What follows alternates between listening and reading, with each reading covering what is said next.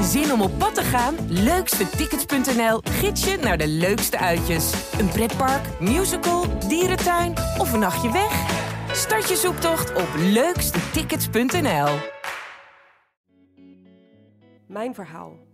Persoonlijke verhalen van vrouwen voor vrouwen. Deze keer hoor je het verhaal van ambulancechauffeur Annemiek, die bij een dodelijk ongeluk haar eigen zoon aantrof. Over deze onwerkelijke nacht schreef ze het boek En dan is het jouw kind, dat alles overstijgt. Hoe kijkt Annemiek terug op dat moment? Dat moment, ja, dat is echt gruwelijk. Dat vergeet ik nooit meer. Nee. Ik ben weggelopen en ik ben heel hard gaan gillen en aan mijn haar gaan trekken. Welkom bij Mijn Verhaal, een podcast van Margriet. Ik ben Marijke Kolk en dit is het verhaal van Annemiek. Kun je iets over Gian vertellen? Wat was het voor jongen? Ja, Guillaume dat was echt een puber 2.0. En ehm, ja, hij deed wel veel dingetjes die God verboden had. En eh, een beetje de grenzen opzoeken. Maar nou, zo het laatste jaar had hij toch wel redelijk op de rit. Hij deed een opleiding installatietechniek, een niveau 4. Oké. Maar daar- hij is daar niet zo heel veel aanwezig geweest. Maar eh, ja. ja, hij heeft zijn middelbare schooldiploma gehaald met heel veel moeite. Dus eh, ja, hij had het aardig een beetje weer op de rit op het eind. Ja, Maar het was wel een jongen die de grenzen opzocht. ja zeker. Wat natuurlijk ook bij zijn leeftijd past, Ja, hè, want hij was eh, Zeker, 19. ja, zeker. Een hele sociale jongen. Ja, ontzettend veel vrienden. En, hoe- en hoe was hij thuis? Wat was hij voor zoon voor jou? Hij was een hele rustige jongen. Ja? Ja, het was dus de twee totaal verschillende werelden. Buiten of, eh, of bij ons binnen. En ehm, ja, rustig. Hij was voor mij altijd heel lief. En eh, ja, ik heb wel confrontaties natuurlijk met hem gehad over het gedrag wat hij af en toe liet zien buiten. Of wat ik eh, te horen kreeg. Ja. Maar voor mij was hij altijd super lief. Die nacht, hè, want dat was in de nacht Ja. dat het gebeurde. Wist jij waar hij was die nacht? Ik weet dat hij naar een feestje geweest is in Hoofddorp. En dat zijn scooterstuk gegaan was. Dus die ergens in de stad ook nog stond. En dat hij thuisgebracht is om drie uur s'nachts. En toch eh, en dan heeft hij eh, mijn zoon Rowan nog gezien. En eh, hebben ze nog eventjes wat eh, gegeten. Want zij waren samen, jouw twee zoons, bij jouw ex, eh, Ja, ex-man. ja, oké, we hadden ja. co-ouderschap. De Gian was net ongeveer, nou ik denk drie weken ehm, volledig bij mijn ex. Oké, Weet je, op een ja. gegeven moment hebben ze de leeftijd, wil ze echt niet meer met die tas heen en weer. Ja. Dus dan kwam hij gewoon regelmatig bij mij elke week eten. En, dat En je andere dingen. zoon, woonde die ook bij, bij jouw ex? Of? Ja, die, die deed toch heen, heen die en kwam nog Oh heen ja, en weer oké, om de ja. week. Ja. Dus jij hebt achteraf, hij is, hij is thuisgekomen bij jouw ex en toen is hij in de auto van jouw ex gestapt. ja, hij is blijkbaar, ja, hij heeft dus besloten om eh, om drie uur s'nachts nachts toch weer te vertrekken. En weet je ook waar, nee, weet je waarom? Die nou, dat, ik eh, weet nog dat hij gepind heeft op de Pieterkantlaan. Oké. En eh, daarna, eh, hij is gezien bij het Hoofddorpplein. Daar Ja. heeft hij dus nog vrienden aangesproken. Nou ja, en eh 500 meter verderop Ja. was het eh, gebeurd. Kun je iets vertellen over dat moment? Ja, we kregen die rit op om 4 uur 13 en eh, de auto staat tegen een boom en staat in brand. En eh, slachtoffers onbekend, hoeveel. En ehm, nou ja, het was heel dichtbij, dus we waren er zo... Dus eh, ongeveer, er waren al heel veel andere disciplines, brandweer, politie, al, iedereen was er al. Dus uiteindelijk eh, gelopen wij naar de auto toe en ongeveer een meter naast de auto herken ik de auto van wat daar nog van over was. Dus eh, die was echt waanzinnig in de prak. Maar het raam boven het achterwiel, dat was nog helemaal intact. En daar heb ik hem aan herkend. Ik heb jaren in die auto gereden. Dus ik ben ook nog aan de achterkant gaan kijken naar het kenteken. Ja, en die herkende ik. Als de auto van jouw ex. Ja, dus ik ging ervan uit dat mijn ex-man erin zat. En eh, je kon er ook niet in kijken op een normale manier. Dus om beeld te geven is dat je... De bestuurdersstoel stond letterlijk op de achterbank. En het dashboard van de auto stond ook halverwege de auto. Dus je kon gewoon zo voorin helemaal door de auto heen kijken. En de auto was tegen de boom. Ja. gereden. Ja. En ja, hij is er helemaal omheen gedraaid. En eh, Ja. ja. Maar hij stond niet meer in brand, gelukkig. Weet je wat mij zo ontzettend aangreep in jouw boek? Dat je schrijft dat toen jij dacht ehm, dat, het, dat het je ex was, dat je even dacht, oh, dan komt mijn zoon weer bij mij wonen. Ja, Dat vond Ja. ik heel aangrijpend. ja, ja, ik ben daar. Ik heb een politieagent aangesproken om het kenteken te scannen. Toen hij bevestigde dat het inderdaad eh, op die naam stond. Maar hij heeft daar wel bij verteld dat er geen 53-jarige man in zat. Maar dat heb ik niet opgeslagen. En eh, ik ben weggelopen en ik ben heel hard gaan gillen en aan mijn haar gaan trekken. En eh, door mijn hoe- ja, ik zei ook, ik ga gewoon door mijn benen heen. Mijn Maar benen- toen dacht jij nog dat het... Ja, je mijn ex-man ex-man was. was. Ja, dus toen heb ik ook echt gedacht inderdaad van dan komt Gian dus weer bij me wonen. Dus dat was een hele, toen je dat dacht, hè, nog voordat je wist dat je zoon was, was dat een hele mix van emoties eigenlijk. Ja, dat ene moment was ik daar hulpverlener. Ja. En ging ik sporen kijken. En eh, ligt er niet nog een fietser onder of iets dergelijks? Dat had ook gekund. En een ander moment was ik moeder. En dat hele stuk van moeder weet ik zelf niks van. Dat heb ik allemaal van anderen moeten Ja, horen. dat, heb, dat is natuurlijk te groot. Ja, ik heb mijn ex-man ter plaatse opgebeld. Ja, en die nam op. En eh, dus ik vraag aan hem of hij de, eh, wil gaan kijken of zijn auto voor de deur staat. En dat ging hij doen en die stond niet voor de deur. Toen schijn ik, want dat weet ik ook niet zelf, geschreeuwd te hebben of de kinderen wel thuis waren. En toen bevestigde hij dus dat Gia niet thuis was. Maar ik heb dat echt niet opgeslagen. Ik heb dat echt van anderen gehoord. Ja. Dus ze hebben getuigen gehaald aan de overkant. Dat bleken vrienden van mijn zoon te zijn, die hem dus net nog hadden gezien daarvoor, tien minuten daarvoor. Dus ja, ik weet ook echt niet het exacte moment dat ik wist dat het om hem ging. Nee, kan je, kan je ook niet meer herinneren wie dat jou vertelde? Ja, een agent die, be- die noemt zijn naam, een andere collega van de andere ambulance eh, spreekt zijn naam verkeerd Ja. uit. Ik verbeter haar ook nog, dat weet ik wel. Ja. Maar ik ga er niet aan. Die jongens aan de overkant ook niet. Nee, ik, eh, ik heb echt geen idee wat het moment geweest is. Want ergens schrijf je ook, eigenlijk drong het pas echt op me door toen ik hem een paar dagen later zag. Ja, dat moment dat je hem gaat zien. Ja.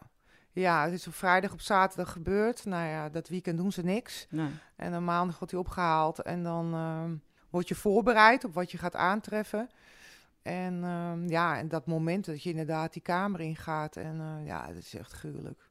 Ja, Op dat moment staat je nog wel helder voor geest. Meer dan bij het ongeluk. ja dat, eh, dat, vergeet, dat vergeet ik nooit meer. Nee. Nee. Wat, wat kan je omschrijven wat je dan voelt?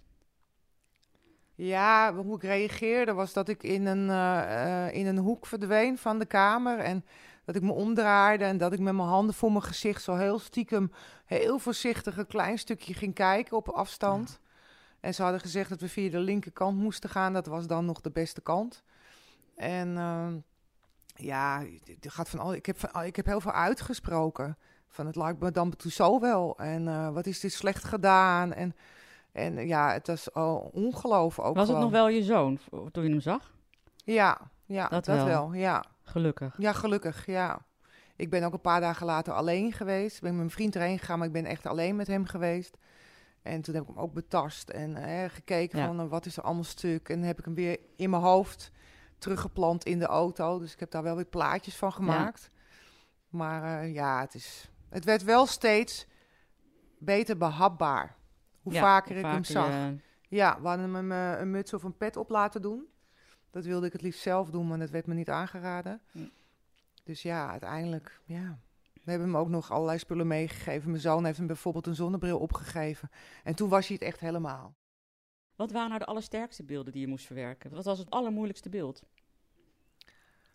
Ehm, ja, ik heb de auto bij daglicht gezien. Samen met de politie zijn we daar geweest. We zijn ook met daglicht op de plek van het ongeluk gebeurd, omdat ik niet kon begrijpen hoe het in godsnaam was gebeurd. En ehm, dus de auto bij daglicht was zo shocking met eh, hoe hij daarin had gezeten. Dus ik heb hem er weer ingeplant in mijn hoofd.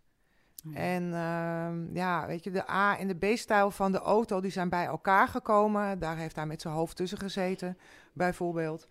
En je ziet dat hij de riemen om heeft gehad. Ja, je ziet van alles aan die auto.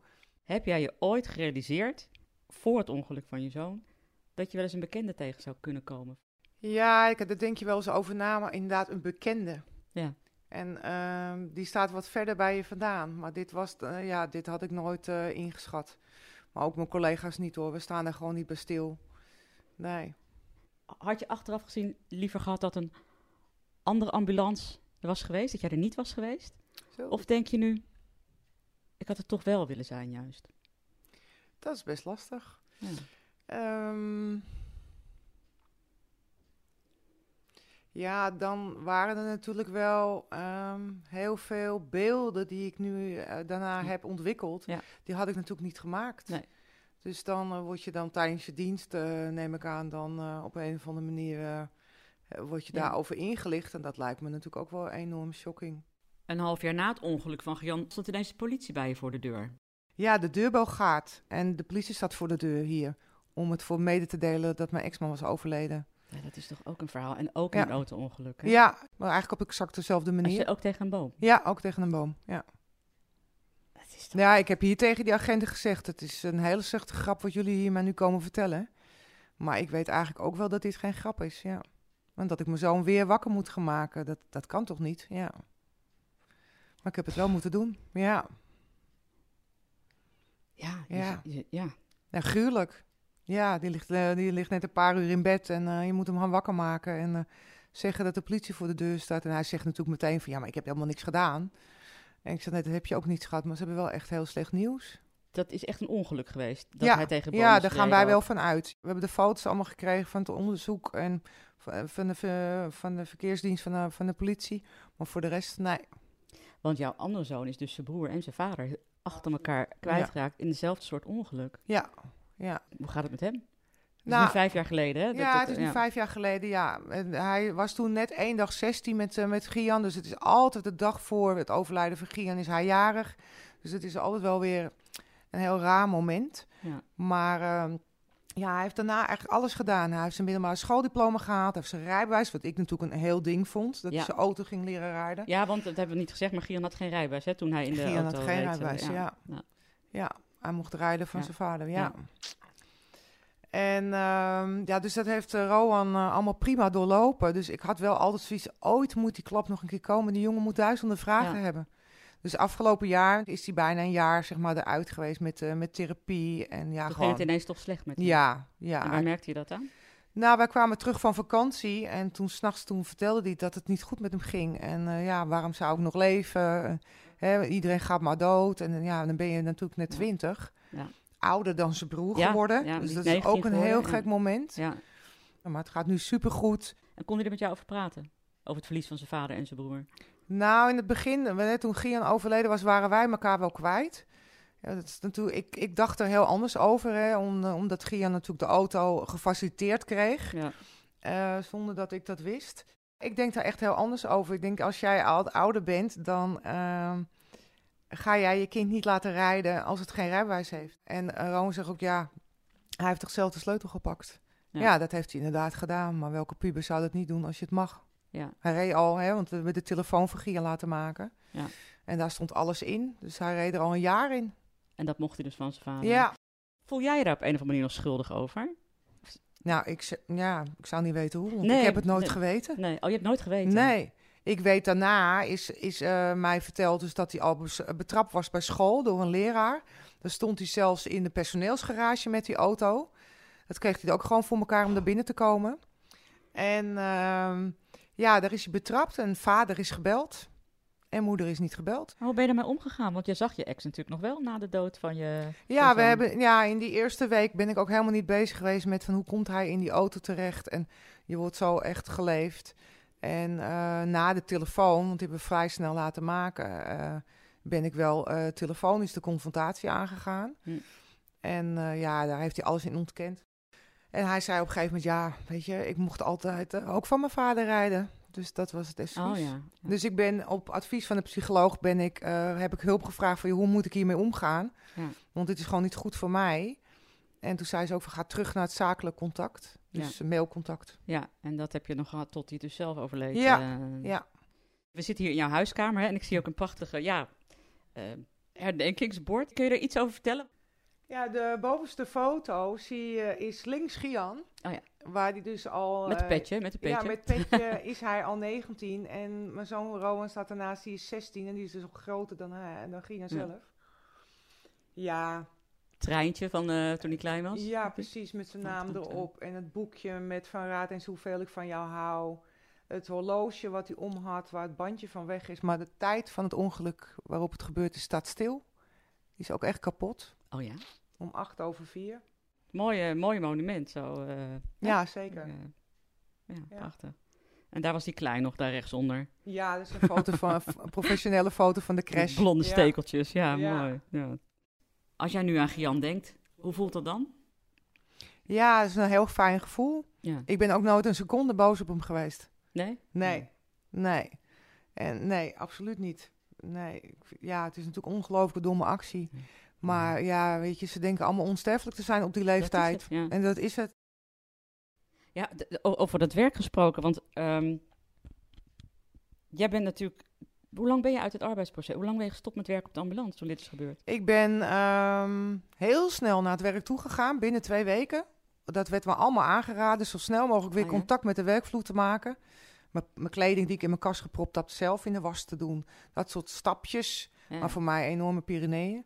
Nou, ja, kan ik me voorstellen, ja. Ja, Ja. weet je, ik durfde ook niet meer, eigenlijk niet meer auto te rijden. Ik was heel bang om zelf een ongeluk te krijgen. Oh ja. Maar goed, ik ben het wel blijven doen. En eh, uiteindelijk, eh, ja, met mijn vriend ging ik steeds naar het werk toe, want we waren echt wel samen thuis. Want hij werkt dus ook op de ambulance. Ja, in Amstelveen. Ja. Dus eh, uiteindelijk ga ik ook alleen. Dus ik ben ongeveer een half jaar later, in mei eh, 2016, ben ik voor het eerst meegegaan op de ambulance als derde man. Dus niet rijden, gewoon mee als een soort stagiaire. En ik ging ook achterin zitten, want ik vond het verkeer echt heel eng. Hm. Elke tram of taxi die van rechts kwam, dacht ik dat hij bij ons naar binnen kwam. En eh, dat heel langzaam uitgebouwd. Kijk, de eerste dag dat ik meega, eh, is er iemand ehm, voor de trein gesprongen. Hm. En daarna een reanimatie. Want we doen ook heel veel kleine dingen. Klein leed. Maar het was meteen weer heel groot. Dus heel langzaam ben ik uurtjes gaan uitbouwen. En op een gegeven moment een keer voorin, daarnaast. Ik hoor jou zeggen van, ehm, ik wilde dat weer snel oppakken. Omdat je bang was dat het anders helemaal niet meer zou lukken. Als je er te lang mee zou wachten. Ja, als je dat soort dingen gaat uitstellen, dan heb je wel een uitdaging om... eh, Maar ik vind het wel heel dapper. Het is Ja. wel, je bent dat wel aangegaan. Ja, wel heel ja, Gian was echt apetrots op het werk wat ik deed. Oh ja. En dat Oh ja? is echt Ja. mijn drijfveer geweest, ja. Zo, dat ook- zei hij ook, dat sprak hij ook uit. Ja, eh, zeker. Ja. ja, ik waarschuwde hem ook voor van alles. En dan heb ik ook in zijn telefoon terug kunnen lezen dat hij dat daadwerkelijk ook aan iemand anders vertelde. Dus ja, het- ik vertelde wel en ik dacht altijd het komt helemaal niet binnen, maar uiteindelijk heeft hij er toch wel dingen mee gedaan. Oh, dat is wel eh, mooi. Dus dat Ja. was voor jou echt een drive om te denken, ik wil toch weer op die ja, ambulance. ik ga op die bus, ja zeker. Ik heb rijtrainingen gevraagd, allemaal in beschermd terrein, op eh defensieterrein in Oorschot. En daar ga je dan weer spoedrijden. En dat ga je eerst doe je met z'n tweeën, ben je, zit je erin. Uiteindelijk ben ik ook weggereden, ik kreeg de opdracht, ga maar weg. En kom met 100 km per uur aan en dan ga je die bocht daar maken. En nou, ik vond het zo eng. En ehm, ja, ik heb het gedaan, ik heb het geflikt. En ik heb ook gewoon gezegd, Gian, we gaan dit gewoon doen. Ja. Ja, En is er een moment geweest dat je eenzelfde soort ongeluk misschien weer tegenkwam in je werk? Eh, nee. Nee. Ik heb wel een, eh, eh, een ongeluk gehad dat er een auto op zijn kop lag op de A10, waarbij bleek dat ik daar als eerste auto zou aankomen. En ehm, gelukkig was er al een andere ambulance, dus die neemt de regie. Maar je moet wel naar die auto toe. Je moet erin gaan kijken. Je moet je, Mhm. gaan kijken wat je kan gaan doen. En dat vond ik heel eng. Dus ik ben bij een raam gaan kijken en dan zag ik een voet. Toen dacht ik, ik heb genoeg gezien. Dus ik ben daar echt helemaal in mezelf gekeerd. En er zijn heel veel ambulances gekomen, omdat er heel veel mensen bij betrokken waren. En ik ben uit de wind gehouden door mijn collega's. Ik rij alleen op mijn eigen post. Ja. Want we worden ook wel uitgeleend naar andere posten in Amsterdam, Ja. maar ik niet. En ik rij alleen met vast personeel. Iedereen weet, weet ervan. Iedereen, Ik ga overal heen. En eh, ik word nooit eh, ergens niet naartoe gestuurd. Nee. Maar ze weten dat, dat het kan gebeuren. Is het voor jou anders nu, nu na de dood van Gideon? Is je werk anders geworden? Ehm, ja, het wordt nooit meer zo erg als 21 november 2015. Nee. Dat kan het niet overtreffen. Nee. Maar ik heb dan ook geleerd om, hè, want ik was heel bang voor ja, als dit of als dat. Hè, wat gebeurt er dan met je? Als je zo'n rit krijgt wat spanning, spanning oproept, zeg dan gewoon tegen jezelf van het, het is niet mijn probleem wat ik, waar ik nu naar ga kijken. Hm. En dat is er toen natuurlijk keihard geworden. Ja.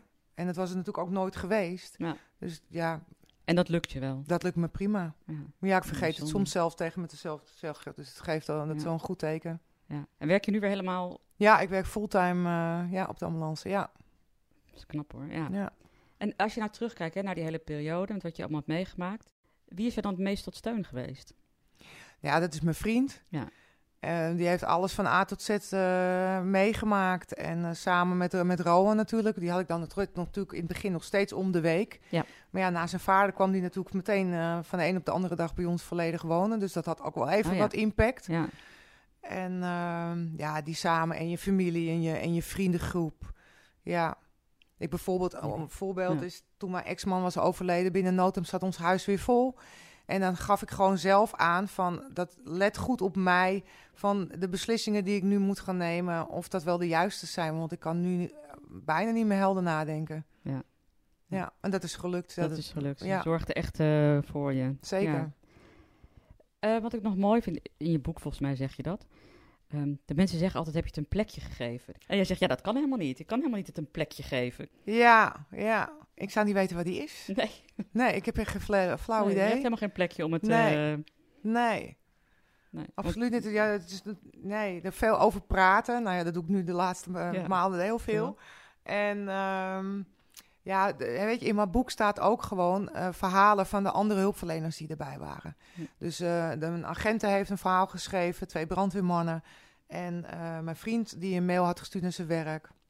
Dat soort verhalen. En de verpleegkundige van andere ambulance heeft een heel indrukwekkend, wat ik niet normaal kan lezen, eh, hoofdstuk geschreven. Zij beschrijft zo wat ze die nacht gezien, eh, ja, wat ze ziet, Ja. wat ze doet, wat ze voelt. Ja, het is bizar. Waarom heb je voor die vorm gekozen? Dat andere mensen die, het ook, die er ook bij betrokken waren, eigenlijk hun verhaal eh, opschrijven? Ja, het is, niet, het is wel mijn verhaal. Het is Ja. ook mijn interpretatie van het hele gebeuren. En eh, mijn vriend heeft bijvoorbeeld mijn boek gelezen en die heeft dingen anders ervaren dan ik. Maar ehm, ja, het is niet alleen mijn verhaal, want het heeft een enorme impact op de andere hulpverleners gehad die er waren. Hebben aan te geven, twee agenten die er toen waren, die doen dit werk ook niet meer. Ik kan me ook voorstellen dat het ook een soort troostrijk voor jou kan zijn. Om, om die verhalen van die andere mensen te lezen. Dat het hen ook zo heeft aangegrepen. Ja, zeker. Ja, En is er voor jou echt een leven voor en na Gian? Ja. Ja. het is totaal anders. Ja. Of totaal anders. Ik sta gewoon anders in het leven. Carpe diem, het staat ook op het Ja. bord.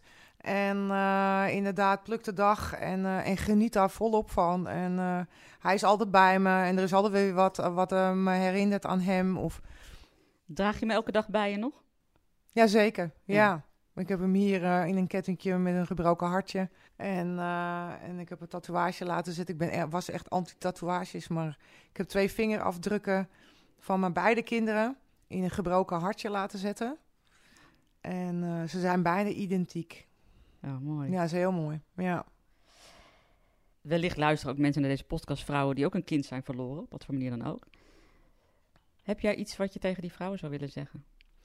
Blijf hoop houden. Dat er echt hoop is om, om, eh, om er toch uit te komen. Ja, En het boek, dat moet ik ook natuurlijk nog even zeggen, dat, Ja. eh, dat ligt als deze uitzending, als dit wordt uitgezonden, ligt eh, in de winkel. En Ja. het heet, en dan is het jouw kind dat alles overstijgt.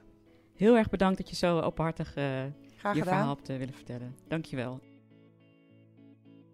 Dit was Mijn Verhaal, een podcast van Margriet.